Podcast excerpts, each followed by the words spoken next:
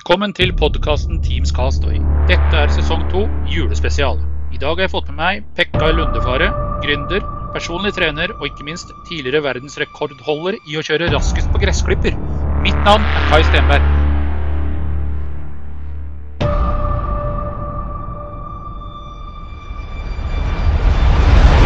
Da har jeg fått med meg Pekka Lundefare. Eh, Han sitter eh, som veldig mange av oss andre hjemme, dog ikke med korona. Og eh, Pekka, du kan jo fortelle litt om deg, da. Det er jo ikke så mange i min verden som vet hvem du er, med mindre de bor utafor Oslo. Ja, din verden er litt sånn Teams-verden, er det ikke det? Eller er dataverden. helt riktig. Ja. Da kan jeg vel ærlig innrømme å si at eh, for å avsløre min tekniske kompetanse med en gang, så har jeg et, eh, noen treningssentre som jeg driver, og der sto jeg foran den ene PC-en, og så kommer det fra Robin Jensen, som er kundeansvarlig hos, hos oss i Puls. Han sier Pekka, du trenger ikke å google Google. Du er på Google. Og, og da, da sa jeg du må slutte å forstyrre meg mens jeg hacker. Eh, og så fulgte jeg opp den eh, med å komme løpende inn på treningssenteret en dag og hadde litt dårlig tid, som jeg ofte har. Og spurte Robin om eh, denne PC-en eh, han hadde foran seg, hadde YouTube. Og da, etter det, så har jeg liksom ikke fått så mye gehør når det gjelder eh, data, IT, eller EDB, da. Ja. du kan jo trygt si, si at dette her ikke er min verden. Men, det har du helt rett i. ja, men dette er en spesial, så du, vi skal ikke snakke så mye teknologi i dag. Nå har vi jo egentlig vært innom teknologisporet om hack og Google og litt sånn forskjellig. Så, mm. uh, men det jeg er litt spent, spent å høre, da. Uh, du nevnte at du driver uh, et, en treningsstudiokjede som heter Puls her i Nordre Follo. Men så har jeg også introdusert deg som gründer og eks-verdensrekordholder i gressklippingkjøring. Hvordan kom denne gressklipperen inn i bildet? Og så kan du si litt mer om andre eh, rariteter da, som du har drevet med. Du måtte nevne at det var eks-verdensrekord, ja. For det irriterer meg ikke noe særlig. Eh, nei, altså eh, Hvor skal den starte? henne? Det er jo alltid litt sånn når eh, jeg presenterer meg sjøl, så, så blir jeg litt sånn ofte litt sånn eh, ja, Hva skal jeg si? Jeg blir litt sånn brydd, for det er litt sånn vanskelig å presentere seg sjøl uten å virke som et eh, helt sånn turbohue. Men men så vi kan vel starte med at jeg alltid har hatt mye, veldig mye energi, altså veldig mye driv da, i meg. Og det har jeg hatt siden jeg var liten. Og jeg har alltid liksom hatt veldig mye energi. Og om det kommer av fødselen, eller om det kommer av eh, natur, gener, miljø, har ikke peiling. Men det ligger i hvert fall i bånn. At det er et veldig stort driv, at det er veldig mye energi. Um, og den, en, en uro eller en rastløshet eller en redsel eller gud vet hva man har i kroppen, så er det i hvert fall også veldig mye potensiell energi. Som jeg alltid er um, hatt mye av. Så min bror han sa alltid at eh, shit, nå må vi vekke Nei, ikke la Pekka eh, Den prøvde å vekke meg hvis jeg sovna, for hun ville ikke at jeg skulle lade. For det ble et helvete. Så nei, shit, vekk nå lader den. Vi må ikke la den lade. Og det var liksom eh, Det har vært utgangspunktet at jeg har hatt utrolig mye energi. Og så har jeg hatt eh, en nær døden-opplevelse eh, når, jeg var eh, når jeg var ung, der jeg drukna, eller jeg falt ut i en gjørmepytt på en anleggsplass. Jeg var sammen med Christian André, som var en barndomsvenn av meg. Og så drev vi og fekta, og så mista jeg sverdet mitt, eller den pinnen, da, oppi Datt nedi en myr, en sånn grøft, en svær grøft på, på et sånt anleggsområde på Hebbek Ski. Og så prøvde jeg å fiske opp den, det sverdet igjen, og datt uti vannet. Og kava, jeg kunne ikke svømme, og kava noe veldig. Og så plutselig så blei alt harmoni, altså blader og alt var liksom harmonisk. Og så svømte jeg mot dette her lyset som veldig mange prater om. Og nærma meg denne stigen som også veldig mange prater om. Og så plutselig hadde jeg en liten sånn rar opplevelse med å se alt ovenfra og ned. Og så kom det en arbeider, heldigvis, som tok en søndagstur. Skytsengel kalles det vel. Og Ja. fikk eh, revet meg opp igjen fra denne gjørmepytta og rista livet i meg. Og siden den gang så har jeg alltid hatt liksom døden veldig med meg. Det har gitt meg en sånn veldig livskraft. Eller sånn veldig lyst til å leve. Samtidig som det også har gitt meg litt sånn dødsangst. Mm. Eh, I forhold til at jeg vet at det er slutt en gang. Men så har jeg også trua på at det er noe mer enn enn oss. Så, så det, er liksom, det er liksom fundamentet i alt jeg har gjort. At jeg, jeg har alltid hatt lyst til å skape noe. Alltid hatt lyst til å gjøre endringer. Alltid lyst til å påvirke mennesker positivt. Det er ikke alltid jeg har klart det. Eh, Jeg har ofte driti meg ut, ofte såra mennesker. Jeg har vært glad i å og gjort mye dumme ting òg, men, men jeg har alltid hatt en intensjon om å, å hjelpe folk og skape en bedre verden. Og har et veldig sånn brennende ønske om å liksom ja, skape, egentlig. Og Ja. da jeg var ung, så var jeg fotballspiller. Så da var jeg jo drev med idrett og fotball og friidrett og boksing, og var veldig langt framme i som bokser og innenfor friidrett og fotball. Og fikk en, en, et tretthetsbrudd når jeg var liksom på vei til å slå gjennom både i boksing og fotball og friidrett. Jeg var på landslagssamling i friidrett og på vei til å bli um, fotballproff osv. Så, videre, så da fikk jeg en skade, da. Og den skaden var så brutal eller ille i ryggen at jeg fikk en sånn muskulær lammelse i, i låret, eller i beinet. Mm. Eh, så, så um, har jeg alltid vært veldig opptatt av å bevege meg, altså vært i bevegelse da, hele livet mitt. Jeg var født med veldig sånn skeive, født med veldig skeive bein, så jeg skulle egentlig bli operert eh, for å rette ut beina mine. Og så ville ikke foreldrene mine det, gudskjelov. Og så hadde jeg en bestemor som var veldig opptatt av vinkler og på ankler. Og, og så hadde jeg en annen bestemor som var også veldig opptatt av, eh, av um, uh, føtter og ankler og gåposisjoner. Og det, det er veldig, veldig spesielt egentlig at du har to bestemødre som er veldig opptatt av bevegelse. Mm. Så, så gjennom de og gjennom min egen nysgjerrighet så vil jeg si at jeg trente meg frisk. Altså jeg trente meg rett. Det er å sette meg veldig inn i kroppens bevegelses... Altså hvordan tyngdepunkt og rotasjoner og alt dette påvirker Mm. kroppen. Og studerte Carl Lewis, studerte Mike Tyson, studerte apekatter, studerte Ja. Jeg tror jeg kan ankler til så å si føtter, ankler og beinposisjoner til nesten alle jeg har møtt. Og det er jo en, det er jo en sykdom, da, tror jeg. Så det kommer, jeg kommer til å bli lagt inn en eller annen gang, men jeg har en veldig sånn eh, oppmerksomhet da, på hvordan folk beveger seg, hvordan folk går. Og den oppmerksomheten har jeg tatt inn, den har jeg tatt med meg uansett hvor jeg har vært hen. Så jeg lærer utfattelig mye av alle andre rundt meg hele tiden. Mm, mm. Det tror jeg er min største egenskap. Så når du begynner å fortelle om din historie og din bakgrunn, hva du driver med, Kjelsås og trikken og ting og tang og alt mulig rart, så, så er jeg i trikken. Mm. og så går jeg av trikken sammen med deg når du forteller, og så. Og så forteller du om podkast og ditt og utstyr, og så plutselig så bare Å, shit, dette vil jeg lære. Dette vil jeg kunne. Dette vil jeg forstå. Og så eh, har jeg da en veldig nysgjerrighet og en lidenskap eller sånn drivkraft. Og da spør jeg, graver og holder på, og så prøver jeg å feile til jeg kanskje eh, klarer å håndtere noe sjøl. Og sånn har jeg hatt innenfor eh, når det gjelder kropp og bevegelse. Altså, jeg vet, jeg veit ikke hvor mange tusen timer jeg har stått og visualisert bevegelser, men det er Det har jeg ikke tall på, da. Så det er liksom bevegelse, at jeg har vært, alltid vært i bevegelse og likt å bevege meg, har jo egentlig vært utgangspunktet i det alltid har drevet med, og en veldig nysgjerrighet og en veldig sånn drivkraft. da. Mm. Og så kan du godt kalle meg gründer, men, men det føler jeg liksom er litt sånn tilfeldig, egentlig. Ja.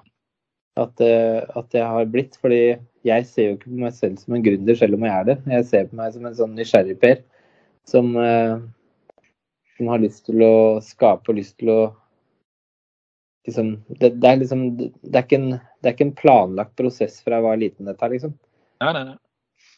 Nei, for det er jo kanskje mange som gjør at de får, får en idé, og så setter de den til live, og så blir de såkalt gründer, da. Uh, men jeg ser jo noe av det som du i hvert fall bidrar med i lokalsamfunnet, da. Eh, Som har skjedd eh, de siste åra med dette Bua, som er en sånn der utlånsgreie hvor du kan låne sykler og telt og campingutstyr og all verden. ski og skøyter og akebrett og i det hele tatt. Som du har vært med å få i gang bort på Langhus. Og ikke minst uh, dette Puls samfunn som du plutselig dro i gang midt utpå i verste koronaen. det der var også faren min litt fortvila over, og moren min òg. Eh, da lå jeg jo inne på Ahus eh, med eh, hvite lunger, som det heter. Eller jeg var jo, ble jo truffet av coviden. Jeg ble, stengte jo treningssentrene 12.3.2020. Og um, lå jo da Så gikk jeg, dro jeg da på en test med rallybilen min, siden vi var stengt ned. Og der møtte jeg min bror, og han hadde da ikke noe luktesans og ikke noe smakssans. Eh, og den gangen så var jo ikke det noe sånn urovekkende. Så det var liksom ikke noe tegn på covid. Han var jo helt frisk ellers. Mm. Og etter den rallytesten så blei jo vi dårligere og dårligere hele gjengen som hadde vært der. Og mm. jeg hadde jo akkurat var på vei ut av lungebetennelse, så jeg hadde jo verst tenkelige utgangspunkt da, for å få covid. Og havna ja. da på Ahus. Og sleit med å puste. Hadde jo metninger langt nede i 80-tallet. Og, mm. Og, det var jo helt kaos på sykehus den gangen. Det var jo 450 som var lagt inn til meg. Og, sånt, og det var jo ikke folk, for det var jo masse personell som var permittert eller i, i eh, karantene. da. Mm. Eh, så Og da datt det inn meldinger fra folk som sleit. Mm. Og det hadde jeg vist alle de Messenger-meldingene, så hadde du fått sjokk. For jeg har jo sånn, det er jo en sånn utfordring jeg har, da, siden jeg har så, såpass på en måte interesserte mennesker og, og har det derre pådrivet og pågangsmot jeg har, så, så, snakker du med veldig mange mennesker. Og jeg kan jo snakke med Jeg kan jo ha opptil 100 telefoner om dagen, og det er jo langt fra sunt. Så, ja. Så jeg prøver liksom å posisjonere det ned. Men altså, hvis jeg har gruppetimer og snakker med mennesker, og ting, sånn, så kan jeg møte liksom 300 mennesker på en dag. Og det er jo en veldig belastning. Eh, på en måte Det er veldig krevende for kroppen. For jeg er veldig mm. interessert i alle mennesker jeg møter. Og så er det også en veldig ressurs. For du, du kan liksom måle samfunnet nesten litt hver eneste dag hvis du er veldig nysgjerrig på, på samfunnet. Så ja. får du liksom en sånn litt sånn gehør, eller du får liksom en sånn tone av hva samfunnet snakker om. Mm ganske fort. Og det var veldig mange som sleit. Og jeg har jo jobba med å hjelpe ungdom og sånne prosjekter i mange, mange år i, i Oppegård da, kommune, som mm. det het tidligere. Mm. Og da vil jeg gjøre noe som gjorde at medlemmer Ta vare på medlemmene våre, ta vare på folk i bygda vår. Så da bestemte jeg meg for å dra i gang Puls samfunn, og, og fikk med meg Pulsgruppen, altså de som jeg eier disse pulssentrene med, og samt familie, venner. Alle er jo med på alt jeg driver med, så jeg hadde jo ikke klart dette her aleine. Og så lanserte vi Puls samfunn og et prosjekt som heter Ut og gå, som egentlig er veldig sånn lavterskeltilbud. At du kan gå til fastlegen din i, i Follo, da, så kan du si at du har det litt tøft og sliter litt og kanskje er litt deprimert. Og, mm. og sånn, og så kan du få da en turvenn.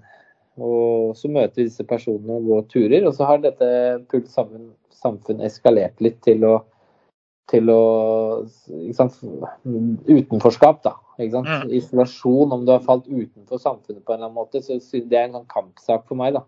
Få ja. sysselsatt folk, eller få mm. folk til å velge yrkesretta fag. Drit i tittel, drit om du er advokat eller eh, om hva du er. Bare du elsker jobben din og trives i jobben din. Og, det, så jeg satte i gang eh, fullt samfunn med ut og gå-konseptet. Og så har jeg et annet konsept som heter Ung 300, som er, handler om disse menneskene i Nordre Follo som er ca. 300 stykker som aldri kommer til å få seg jobb.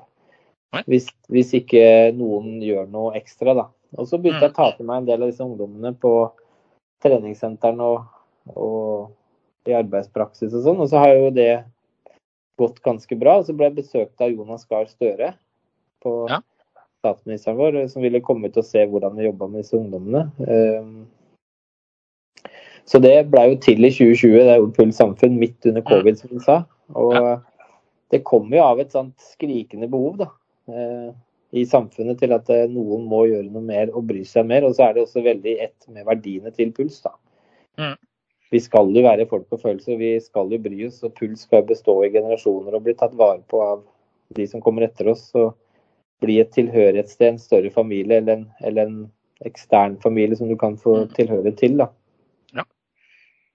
Nei, jeg tror jo også den der eh, ut og gå-greia når du f.eks. er eh, ja, som jeg, jeg har jo sittet ett og et halvt år på hjemmekontor, da, og nå begynner det på'n igjen i neste uke. da. Ja. Uh, og da er det vel hjemmekontor fram utover nyåret. Gudskjelov er det juleferie imellom, så da går det an å puste litt. Ja. Uh, men jeg husker jo den perioden da fra uh, Min kone har jo bursdag 12. mars, så det er ikke så vanskelig å huske datoen når ting gikk i lockdown. Nei, Og da var jo jeg- det stemmer det. Torsdag 12. mars. Ja, Det er helt riktig. Ja. Og da var jeg på kontoret når, eh, og gikk nedover til Oslo S, og det var relativt mye folk som skulle eh, til eh, komme seg hjem, da.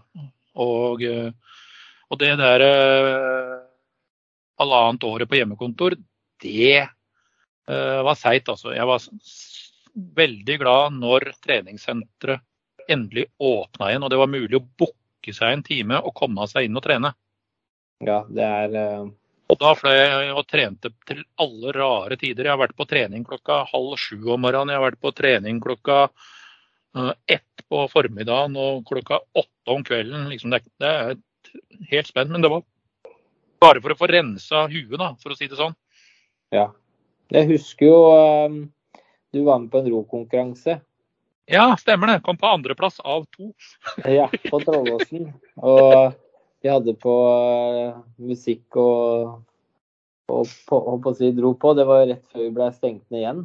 Ja. Eh, og det var jo, Da husker jeg at du kommenterte at du var så takknemlig for, eh, for tilbudet vårt. Og Mm. det er jo sånne ting som rører meg veldig. da.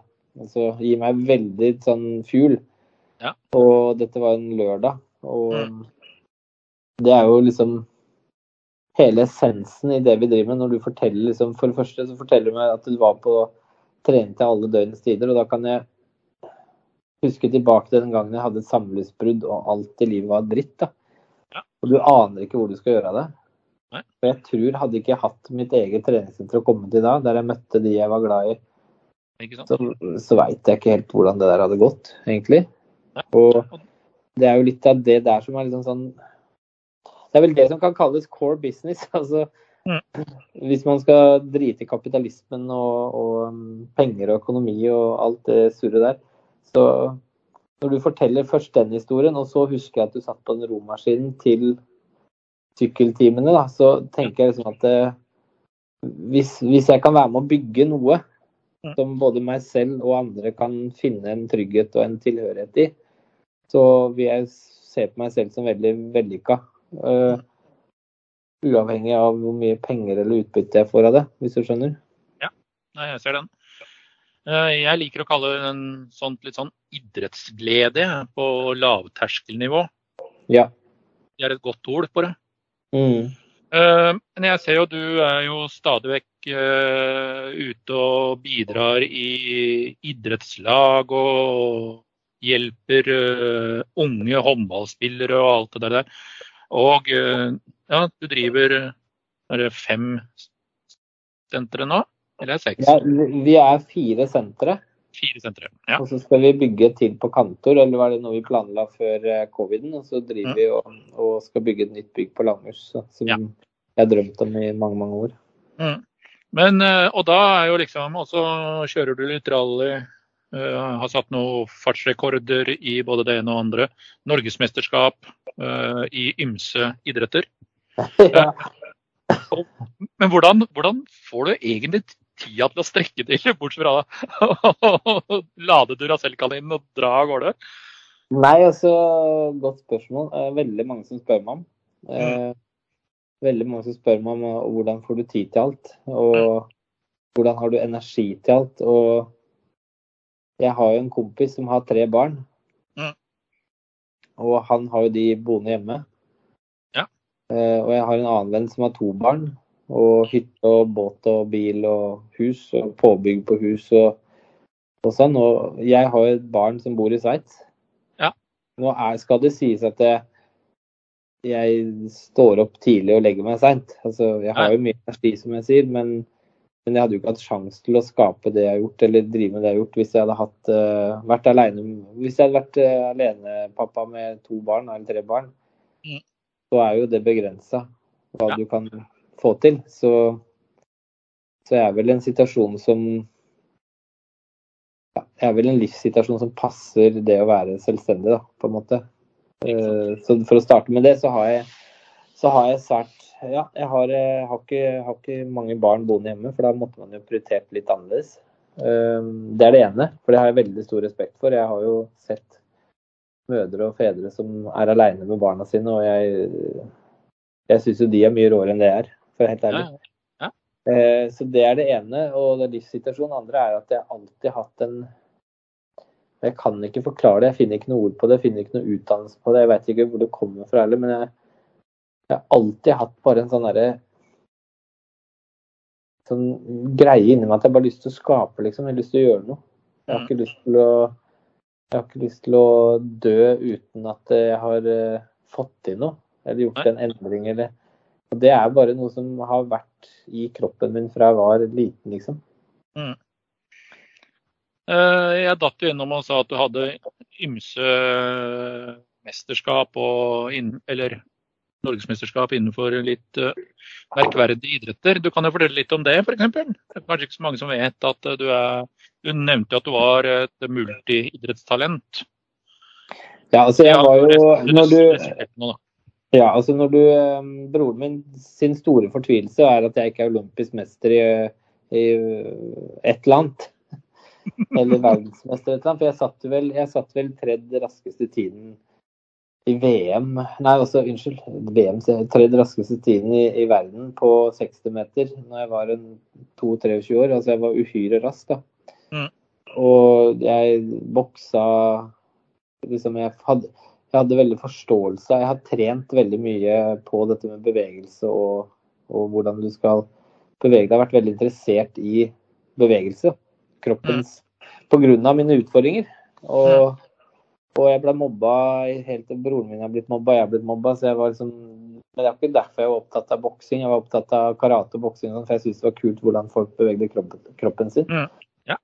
Jeg var liksom veldig nysgjerrig, veldig ivrig og, og, og, ja, og tok det liksom Det lå naturlig for meg da, å, å gå den veien og nerde på bevegelser og være aktiv og, mm. og sånn. Og det gjorde at det, jeg kom jo jeg kunne nok, eh, sånn som broren min sier, selv om jeg ikke har trodd helt på han, men det viser seg ofte at han har rett. Men han mente at jeg kunne blitt nesten eh, ja, verdensmester, olympisk mester hva som helst, hvis jeg bare bestemte meg for én idrett. Mm. Men jeg syns jo alt er kult. så, så, jeg måtte jo velge fotball. Jeg fikk ikke lov til å være med på alt aktiviteter jeg ville. Eller jeg fikk vel egentlig nesten lov til det òg, men jeg, jeg tror mamma og pappa var litt lei at jeg og karate, innebandy og badminton og fotball og ikke sant? Det var mye, da. Ja. Men jeg holdt meg til fotball, og så sprinta jeg for å bli raskere i fotball. Så syntes jeg sprint alltid var fascinerende. Mm. Og, så, og så boksa jeg alltid mye, både på skolen pga. mobbing og slåsskamper der, og, og privat da, hjemme. Syns jeg det var fantastisk kult å drive og bokse med venner. Mm. Jeg vet ikke om de syntes det var like kult, men, eh, men jeg, jeg syntes det i hvert fall var veldig kult. da. Så var det liksom naturlig at, det, at det liksom jeg hadde det inni meg. Så elsker jeg å kjøre fjernstyrt bil. Jeg fikk min første fjernstyrt bil når pappa vant på tipping. Og hey. da husker jeg han kom hjem og sa at han ja, jeg tror, han hadde, jeg tror hadde kryssa Jeg tror han og onkelen min Tom Mulsgaard hadde kryssa feil på et løp, og den gikk inn. Og da husker jeg han vant 75 000 han skulle dele i to. Så plutselig kom han ned på kvelden og lurte på hva jeg ønska meg mest i hele verden. Og da sa jeg fjernstyrt bil. Så det med motorsport og bil og sånn har alltid interessert meg. Sikkert pga. pappa. Det, er, altså, det, har vært interessen til pappa og, og mm. bestefar, altså faren til moren min og broren min, ikke minst. da. Så jeg var veldig interessert i bil. da. Mm. Motorsport. Og da fikk jeg kjøpt min første fjernstyrte bil.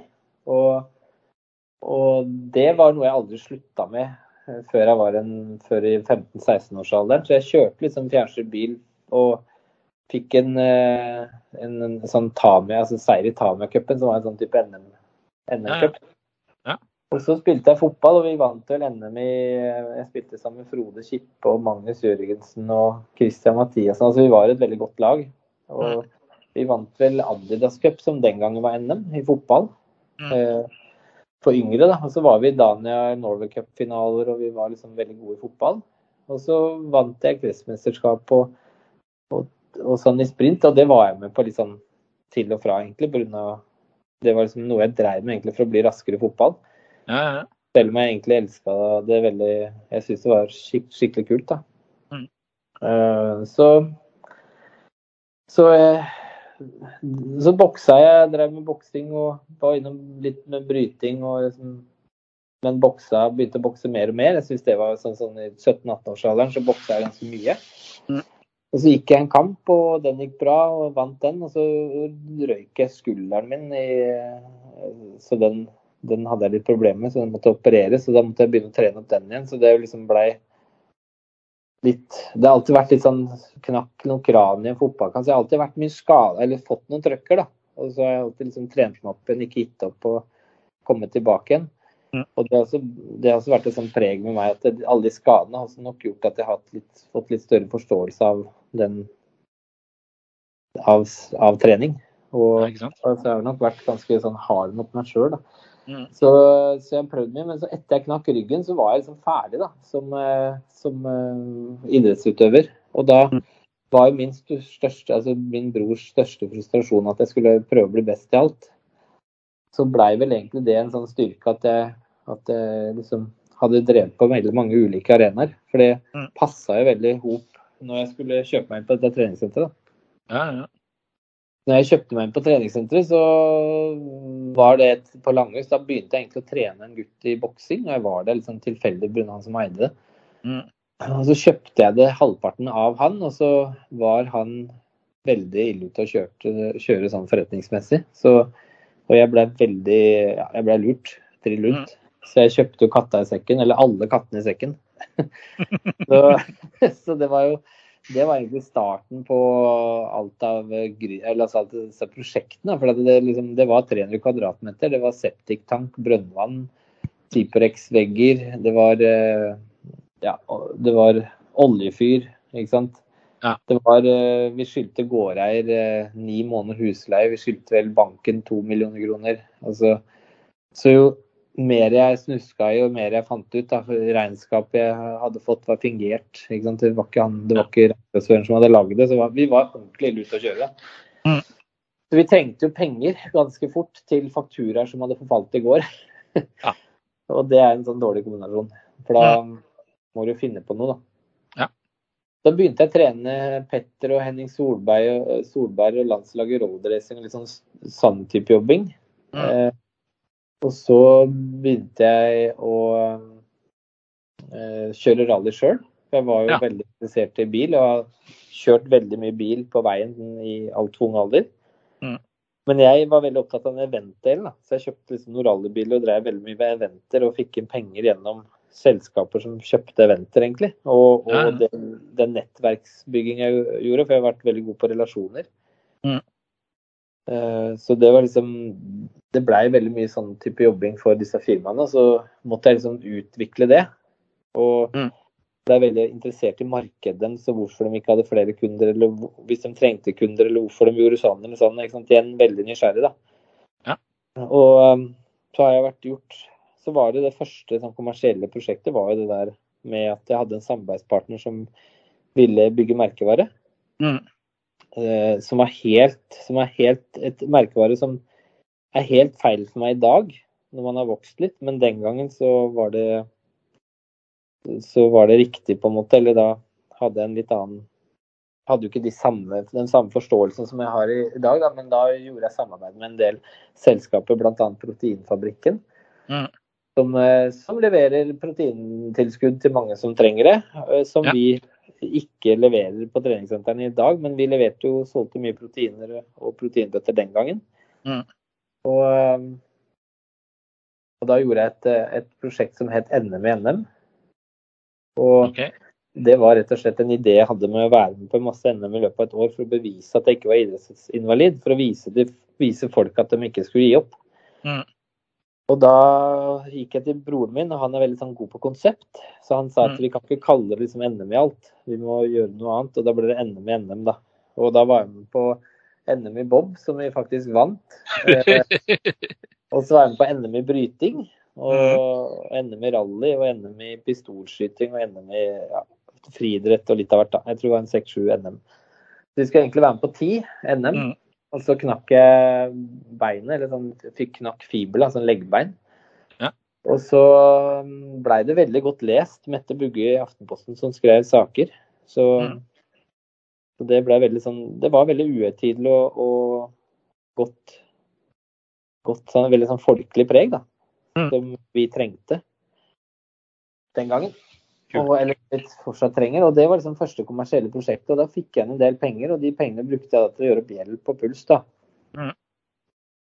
Og, og så var det liksom Kom jeg borti flere firmaer og samarbeidspartnere som trengte liksom den kommersielle oppmerksomheten. Og veldig ofte sånn firmaer som vil slå fra seg. da. Som Ja. Kanskje ikke er ledende i markedet, men som trenger en stemme og kanskje ikke kan bruke 100 millioner kroner på TV-reklame, for markedet er ikke stort nok. Nei, nei. Så, vi, eh, så begynte jeg å samarbeide med Mini, eh, og lagde da med noen andre samarbeidspartnere som trengte liksom et sånt familiært konsept. da. Så lagde vi eh, et barnebokunivers som het Jonne Virker. Ja, riktig. Og da ga vi ut fire barnebøker. Vinni skrev, og broren min tegna.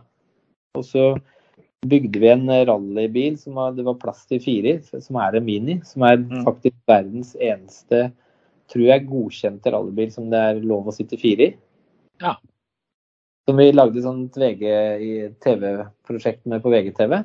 Mm. Og fikk masse oppmerksomhet rundt Mini, og de solgte Mini som bare det. Mm. Og um, Mini var sånn lekent og bøllete og kult merkevare, da. Så jeg hadde jeg et samarbeid, for jeg gjorde litt sånn autofilportretter og sånn med sånn kjendisportretter i rallybilen. Så hadde jeg et samarbeid med Stil, som eide Viking, og så kom jeg i dialog med, med han som sponsa meg den gangen, en som heter Pål Virik Nilsen. Han Mm. eh, i Stil, han og en som het Bjørn, de, de ville ha liksom mer oppmerksomhet rundt, rundt Viking, da. Det Mm. var egentlig Pål som spurte meg første gangen. For de solgte mye stil. Timbersport eller ti- motorsag og sånn, men veldig lite Viking. da. Ja. Og da kom jeg på med ideen til verdens raskeste gressklipper. Der kom den, ja. Der kom den. Og så måtte jeg presentere det til eh, den, den gangen daglig leder eh, i, i Stil. Mm. Og han hadde veldig lite trua på Han hadde ikke noe særlig trua på internett. Nei. Og han mente at det jeg snakka om var bare tull. Mhm. Og det kan jeg egentlig forstå, for jeg var kanskje ikke like flink til å presentere ting da som jeg er nå. Så det kan jo være at han så en fyr, en merkelig fyr som skravla på utover innepusten, som, som ville veldig mye, og kanskje han ikke helt forsto forsto eh, liksom tyngden bak. Da. For jeg har jo Mm. en vanvittig gjennomføringsevne. Det må jeg vel erkjenne at jeg har. Og så da gjorde vi ikke det, og så kom jo da Top Gear og Mm. gjorde det med Honda i 2012. Og jeg hadde jo denne ideen i 2009. Ja. Og, mm, og da satte den verdensrekorden. Mm. Og fikk en skikkelig boost markedsmessig da, med Honda. Ja, ja. Da var de på meg og lurte på om det var reelt, det, det jeg hadde prata om, da. Ja. Og da var det annen ledelse, så ble jeg vel flydd ned til Tyskland eller Østerrike, og så hadde jeg et møte med, med en som heter Pritsch og Pretsch, eller Pritsch, og Wolf, Wolfgang, doktor Wolfgang der nede, som lurte på om vi faktisk kunne gjennomføre dette prosjektet. Mm. Og det var jo da et internasjonalt prosjekt, så det var jo ganske stort. Mm. Og så bygde vi gressklipperen i en låve i Krokstad, som vi kaller for Stuntgarasjen. Eh, Der vi har gjort og tegna og Mm. funnet opp mye stunt. da. Og, så der, eh, der um, fyra vi i gang eh, altså gressklipperen. Og så gikk det vel i halvannet år, og så leide vi, eller fikk låne Torp flyplass. Og det regna jo selvfølgelig den dagen. Og da hadde vi jo fått eh, penger til å bygge gressklipper, og penger til å drifte og penger til lønn og alt mulig rart. Så vi hadde liksom egentlig litt kniven på strupen. Mm. Men det regna såpass mye at det var litt i eh, Det var rett og slett litt drastisk, hele greia. Men eh, dette gikk jo live på VGTV. Og de satt jo i Kufstein, altså i Østerrike og i Tyskland, og så på dette her, da. På, på et styremøte. Så jeg følte liksom Så jeg følte liksom at jeg måtte levere litt òg. Og vi kjørte noen sånn prøverønn, og det gikk ikke sånn veldig bra. Snurra et par ganger, og så spurte jeg rett og slett brutter'n du, hvis jeg treffer den vannpytten i 200 istedenfor 150, går det bra? Også, for det var en sånn vannpytt vi sleit med, og det sa han at ja, det mente han gikk kjempebra. da. Og da så når vi fikk det siste rønnet, så hadde jeg jo da et snitthastighet på 215 km. Og var jo da oppe i 258 km i timen på regn. Så det er derfor jeg er litt sånn frustrert over den verdensrekorden som er satt nå. For den er satt på veldig tørt føre av noe som, ikke, som jeg ikke syns ser ut som en gressklipper. da. Nei. Hvis du hadde satt deg i gressklipperen min, så hadde du skjønt hvordan du satt. Altså, du sitter med beina oppi haka og, Ja, ja. Sitter, Den er like stor som en gressklipper og bygd veldig autentisk som en gressklipper. Mm. Og jeg mener at vi kunne passert 300 med den gressklipperen vi har i dag. Hvis vi hadde fått kjørt på, på asfalt, eller på tørt, mener jeg. Ja. Men det var jo, da blei det jo full Dagsrevyen, og du hadde jo Obama, gressklipperen og Putin. Og, og vi dobla vel salget på ett år. Så, så det var jo en kjempesuksess. Mm. Og etter det så har det egentlig bare skal si, ja, balla på seg med folk som Nå har det blitt litt lettere, for nå er det ikke bare jeg som selger meg, nå er det også folk som kommer til meg da, og spør. Mm. Så nå driver jeg med et prosjekt for uh, Autoeksperten KGK, som er kjempekult. Ja, ja, ja. Som, um, der jeg, Autoeksperten er et selskap som er veldig opptatt av det å ta vare på bilen din. Altså ikke bare bytte bil, men også kunne skru på den bilen og reparere på den bilen du har. Mm. Og derfor eh, også eies det av KGK, som er veldig opptatt av merkevarer. Altså bruke kvalitetsvarer på bilen. Og Mm. som holder lengre. Og um, da hadde jeg en, en uh, dialog med dem over noe tid, og så sa jeg til dem faen, jeg har jo jeg har jo drevet og bygd på en Lada nå i noen år. Og den passer jo perfekt inn i dette prosjektet. Så, og så er de veldig også opptatt av å ta vare på hverandre og være folkelig, da. Mm.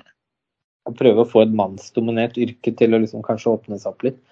Så Ja. da lagde vi prosjekt Følelseslada, som rett og slett er en Lada Mm. som vi har bygd til en rallybil. Ja. Eh, Som jeg og Vinni skal kjøre et løp med, og som vi også liksom bruker som en maskot for å liksom være litt annerledes og gå egne veier og tenke nytt og sånn. Og Lada går for å være den største drittbilen. Ikke sant? Så hvis vi holder liv i den med, med merke, altså med kompetansen og, og deler og merkevarene til, eller ressursene til KK Autoeksperten, så er jo liksom litt det av tanken at vi skal gå litt egne veier og vekke litt oppmerksomhet. da. Mm. Så, så det er liksom eh, grunnen til at jeg egentlig starta med alle de prosjektene, var vel egentlig selvfølgelig nysgjerrighet og min motorsinteresse.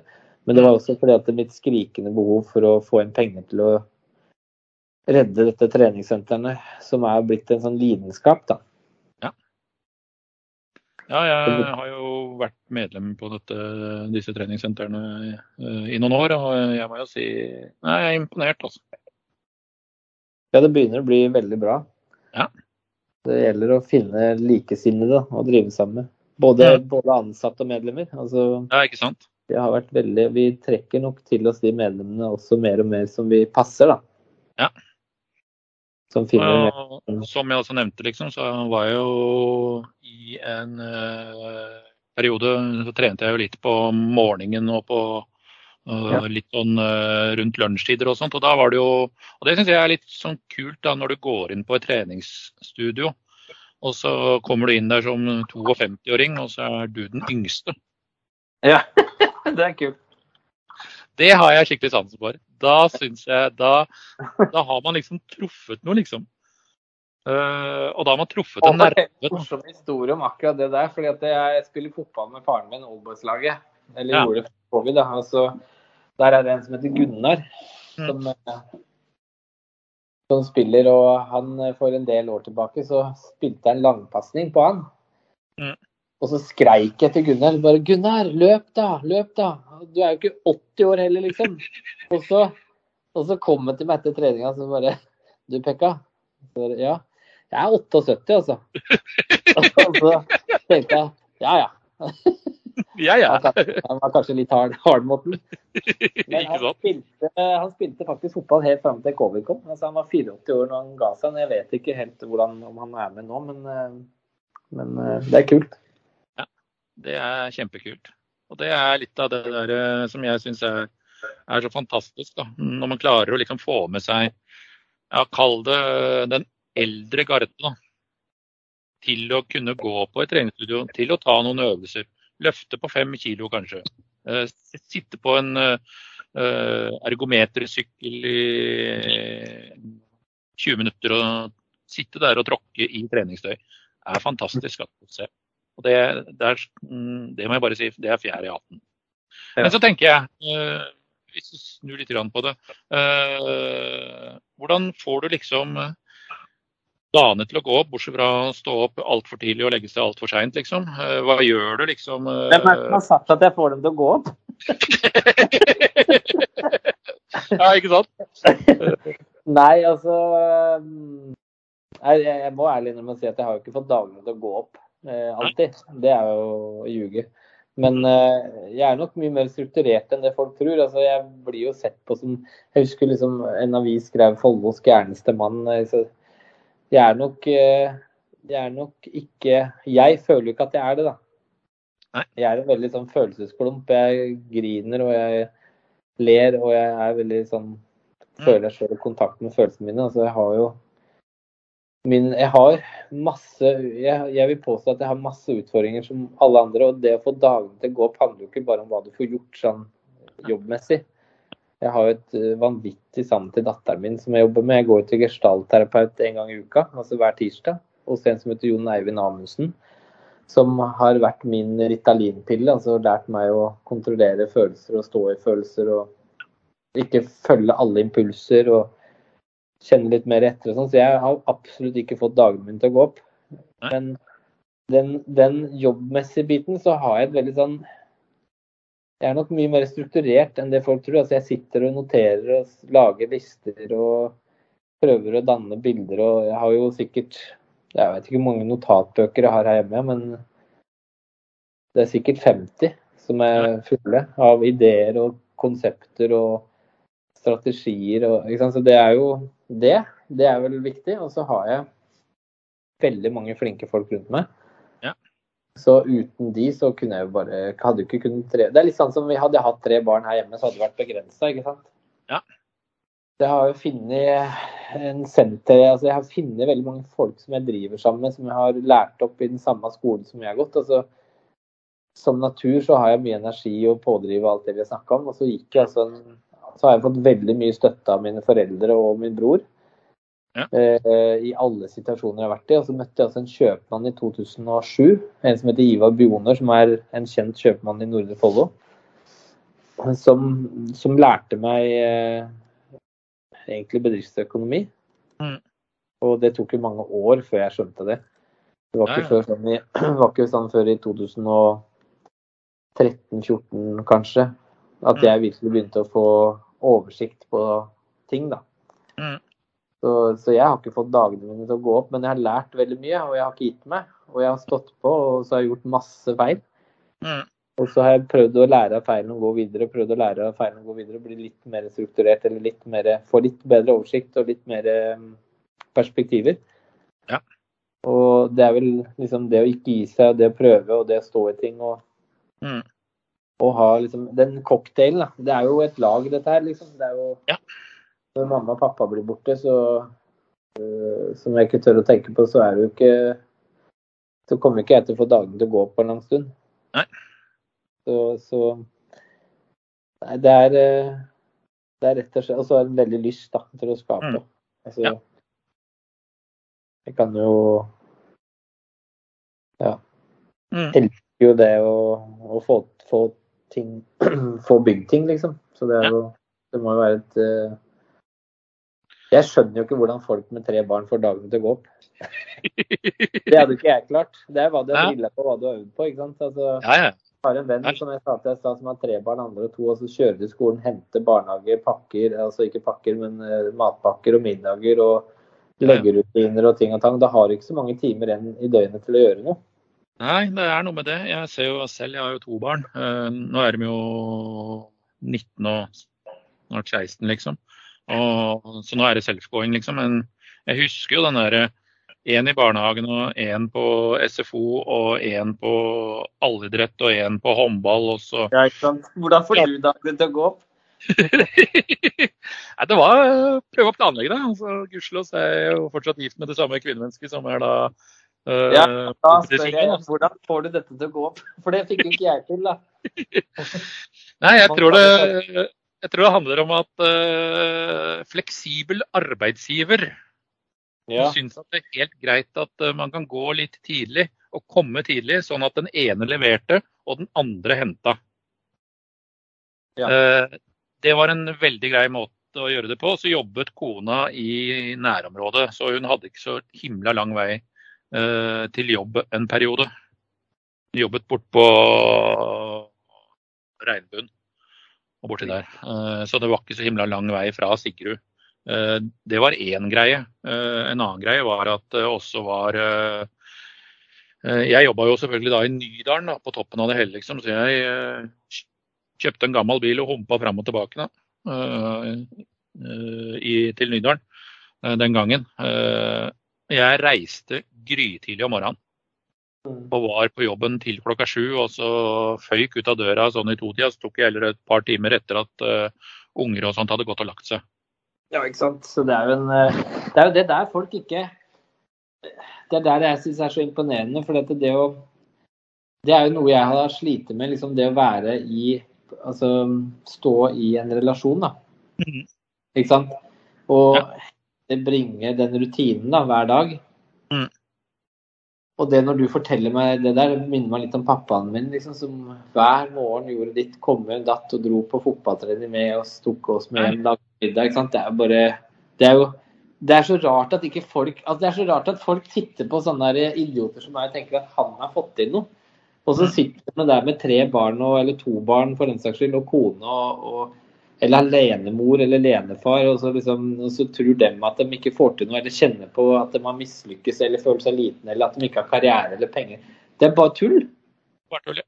Helt Du enig. har fått, du har fått til det viktigste i livet, da. Og så, så er det sånne idioter som meg som blir intervjua, liksom. Som eh, Ja, du har kjørt gressklipper. Ikke sant. Det er bare tull. Men jeg er veldig stolt av at jeg opp at jeg har gjort alt dette. Altså, hadde jeg ikke gjort alt dette for å bygge opp et, et sted som alle de, de familier, alle hverdagsheltene som dere kan få et pusterom i, da. Så kan det være min uh, gave, da. Ja, ikke sant. Som, uh, Ja, det, det, og Og så er det- det ja, og så er det sånn, Man rekker ikke alt heller, ikke sant. Som jeg er jo da litt sånn middels interessert i håndballmiljøet, da, og har jo da drassa to unger igjennom det. Da, og, og klart, det tar jo tid. Eh, og begge to gikk jo selvfølgelig da også i korps en periode.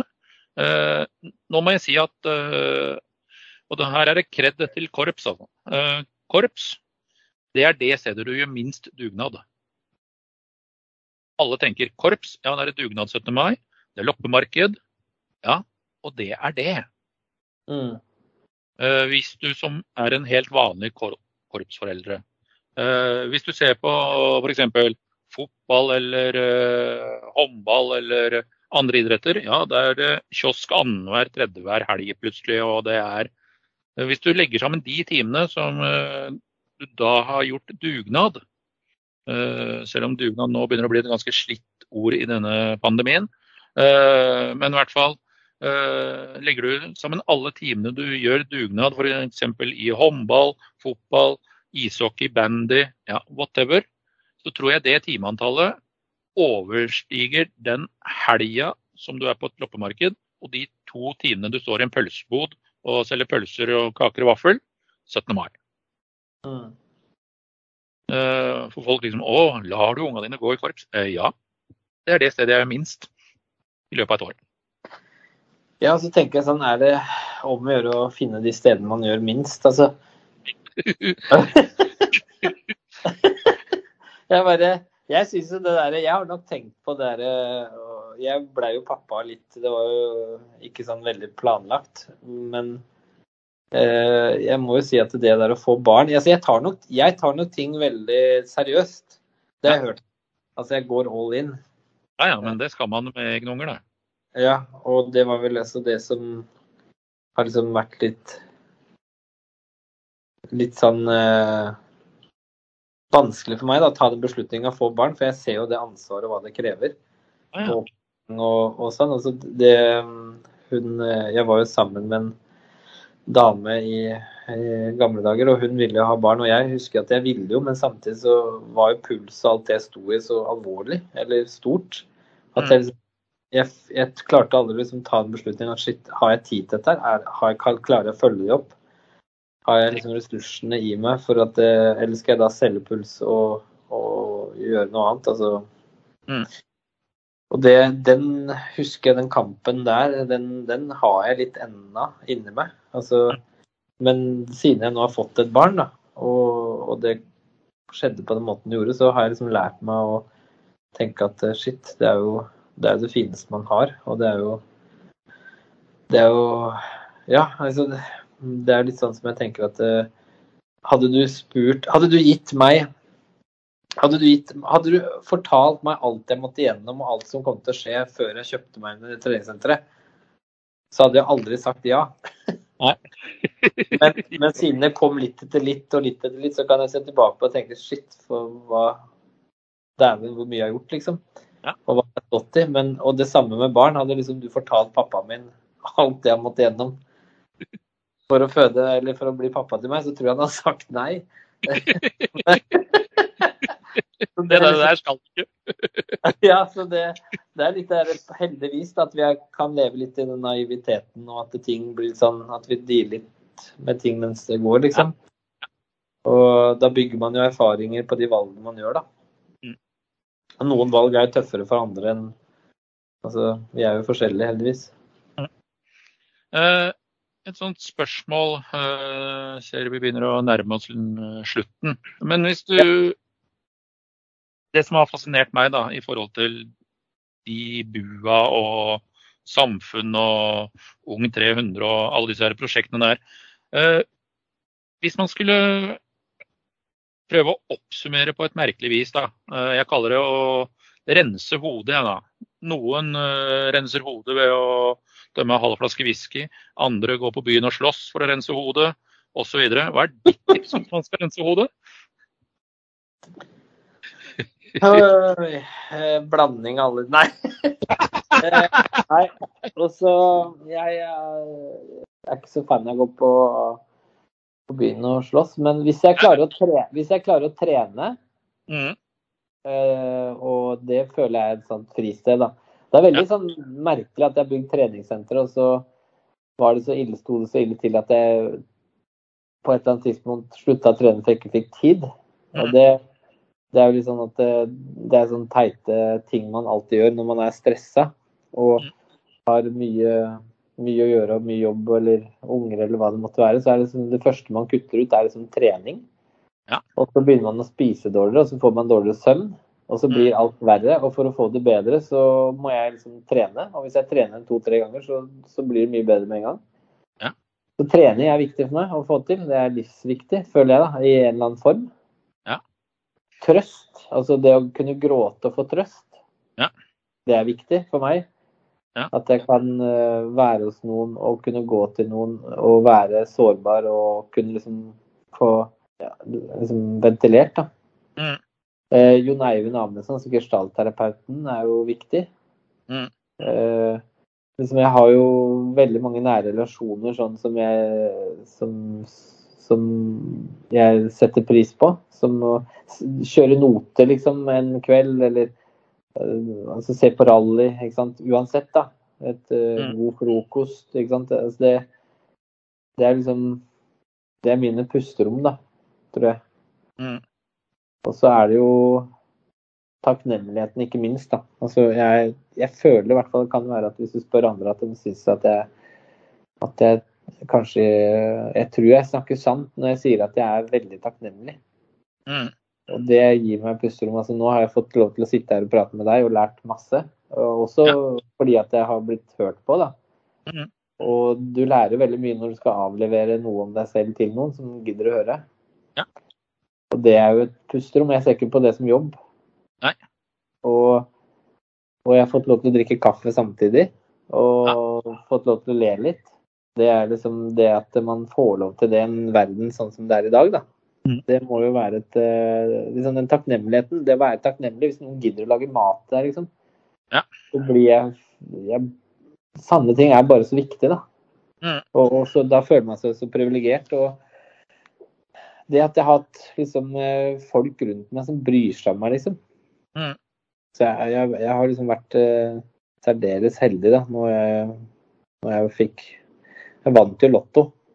Ja. Med å bli født i Norge med de og de møte de folka jeg har rundt meg, liksom. Det kan Mm. være så jeg har masse pusterom. altså Jeg vet ikke, jeg kan se på rally på TV. Kan, altså, det finnes tusenvis. Jeg kan eh, det, er, det er så mye, liksom. Det er veldig bra. Supert. Da sier jeg tusen takk for at du tok deg tida til denne trekvarters Det var like likeså. Det var veldig kult. Og, og som jeg sier til Sate, det var veldig sånn lærerikt. Jeg vil jeg benytte anledningen til å takke Pekka Lundefare som en fantastisk gjest. Og det kommer en ny sesong i januar. God jul og godt nyttår.